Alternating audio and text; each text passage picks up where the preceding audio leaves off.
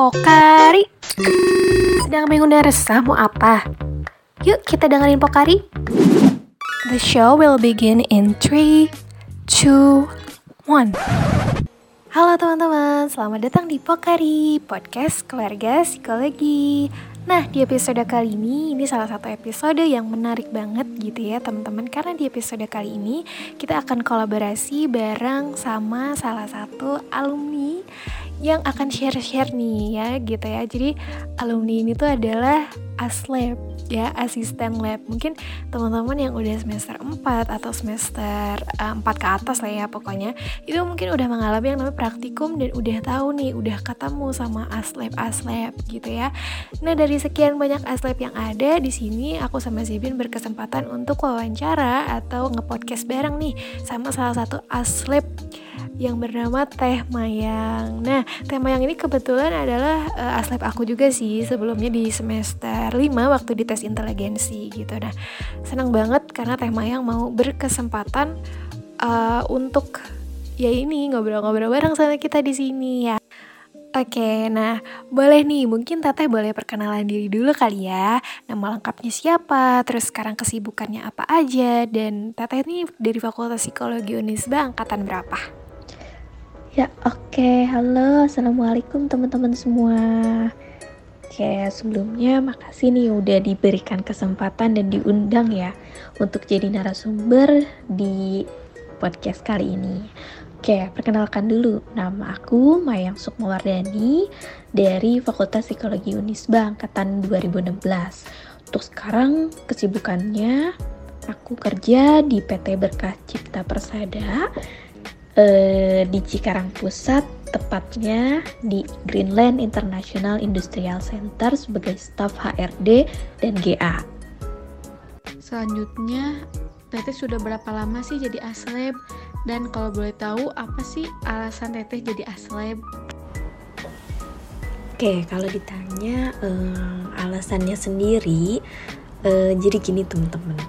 Jadi aku itu setelah lulus di Agustus 2020, uh, sempat magang di Komite Olahraga Indonesia atau KONI Jawa Barat sebagai staf psikologi. Nah, kebetulan di Desember itu kontrak magang habis dan kebetulan waktu itu aku dapet info kalau lab psikologi uh, lagi rekrutmen nih untuk asisten laboratorium. Nah, karena aku tuh uh, anaknya nggak bisa banget uh, diem dan gak ada kegiatan gitu ya dan aku juga punya value e, kalau sebaik-baiknya orang adalah orang yang bermanfaat bagi orang lain dan juga e, ketika kita diam aja itu ilmu yang kita dapat selama kuliah itu bakal diam juga di tempat ngerti gak? jadi gini ketika kita jadi aslep uh, otomatis kita akan membagi ilmu yang udah kita punya ke adik-adik kita. Dan setiap mau ngisi kelas nih kita kan bakal review dulu. Oke nih materi hari hari ini apa ya dan sebagainya. Supaya nantinya apa yang kita sampaikan eh, nggak salah. Jadi otomatis juga kita inget-inget lagi dong ilmu yang pas kuliah. Nah ini tuh bikin aku terus belajar dan gak gampang lupa sama ilmu-ilmu khususnya praktikum Oke, kalau boleh tahu nih ya Teh ya, proses seleksi mau jadi aslab itu prosesnya gimana aja sih gitu karena aku sendiri gitu ya termasuk kayak penasaran banget nih sebenarnya prosesnya tuh gimana aja gitu. Yaps, untuk seleksinya sendiri kayak gini. Jadi uh, informasi yang harus teman-teman tahu. Jadi kalau kita mau jadi aslab atau dari antara teman-teman yang ngedengerin podcast ini ada yang pengen jadi aslab, itu nggak perlu nunggu lulus dulu ya teman-teman jadi teman-teman yang masih kuliah sekarang bisa nih jadi aslab.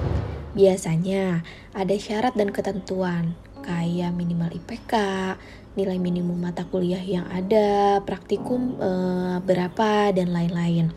Nah, itu infonya biasanya di-share melalui BEM dan juga akun medsosnya fakultas. Jadi e, kalau ditanya tahapan seleksinya sendiri, jadi kita ketika mau jadi aslab itu ada tiga tahapan di awal kita ada seleksi administrasi. Nah, kalau misalkan kita lolos, nanti kita akan ada di pada tahap psikotes. Kita disuruh ngerjain psikotes kayak biasa. Dan kalau lolos, baru kita uh, masuk ke tahap akhir nih wawancara. Nah, wawancaranya biasanya sama kasih lab dan uh, dosen mata kuliah. Uh, praktikum itu ya dosen mata kuliah pengampu misalkan uh, observasi dan wawancara ya kita sama dosen opuan gitu.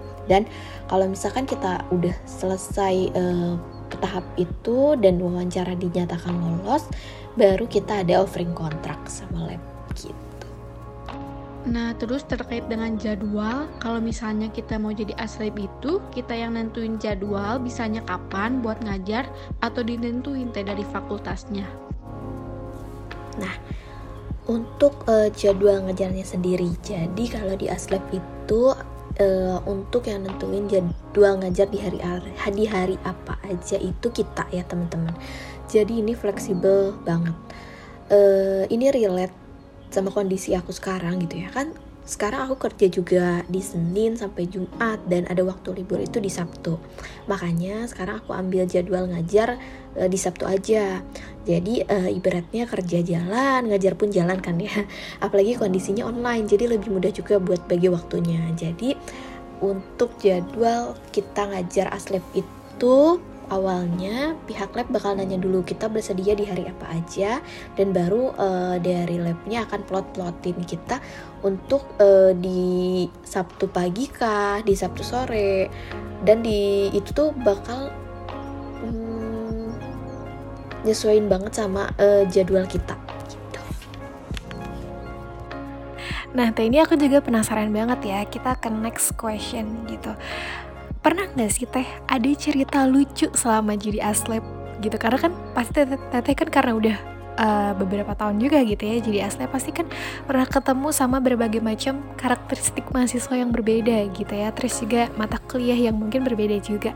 Nah kejadian lucu apa sih yang teteh inget gitu kalau ada? Hmm. Oke, okay, kalau untuk cerita lucu uh, mungkin belum ada ya. Jadi kan uh, gini teman-teman. Di praktikum apalagi di psikologi sendiri uh, ini kita dituntut untuk uh, profesional dan gak main-main. Dan uh, seperti yang teman-teman tahu untuk aturan bener-bener strict banget. Bener gak teman-teman? Jadi gini tapi kalau aku sendiri jadi aslep itu uh, ya serius tapi santai gitu. Tapi mungkin uh, lucunya itu selama jadi aslep kan kebetulan aku jadi aslep dan ngajarnya online terus. Jadi kayak di awal-awal masih perlu penyesuaian juga. Jadi kadang masih aneh aja praktikum online gitu ya. Jadinya suka lucu aja kadang lihat pengambilan data online terus role play. Kan mereka ibaratnya pada ngomong sendiri di kamar ya itu tapi uh, salut aja sih sama lab yang bisa adaptif sama keadaan dan inti dari materinya tetap sampai ke mahasiswa Terus Tete bisa sharing nggak suka dan dukanya jadi aslep itu apa aja? Kalau suka duka jadi aslep, hmm, mungkin sukanya ketika lihat uh, adik-adik mahasiswa kita yang kita bimbing itu ketika ambil data mereka sesuai dengan materi yang disampaikan dan mereka mungkin berhasil buat dapet uh, nilai yang memuaskan lah ya jadi kalau aku sendiri sih ada kebanggaan tersendiri aja gitu ya di dalam diri uh, ketika mereka mampu mencapai goalsnya itu. Kalau untuk dukanya ya palingan um, kalau harus kasih nilai sama adik-adik mahasiswa yang mungkin uh, mereka salah karena hal misal telat ngumpulin surat OP itu kan hal yang sepele gitu ya teman-teman. Itu uh, tapi itu jadi kesalahan kecil yang bisa berakibat fatal. Jadi aku kadang suka menyayangkan gitu aja menyayangkan gitu ya kalau misalkan cuman gara-gara telat ngumpulin laporan lah telat OP lah. Nah itu kan maksudnya bisa jadi menghambat juga nilai teman-teman semua gitu ya. Tapi balik lagi eh, kita di sini aslep gak boleh banget subjektif. Jadi harus tetap ngasih nilai yang objektif gitu sih. Nah, last but not least ya Teh ya, pesan dan saran buat temen-temen nih Teh yang mau jadi aslep kira-kira apa aja nih gitu. Oke, terakhir untuk pesan dan saran gitu ya. Jadi un mungkin untuk teman-teman yang mau dan tertarik jadi aslep, uh, ini menurut aku jadi aslep itu bagus banget ya ini itu jadi wadah untuk kita mendeliver ilmu yang kita punya ke orang lain supaya jadi ilmu yang bermanfaat. Karena sebaik-baiknya ilmu adalah ilmu yang bermanfaat bagi orang lain.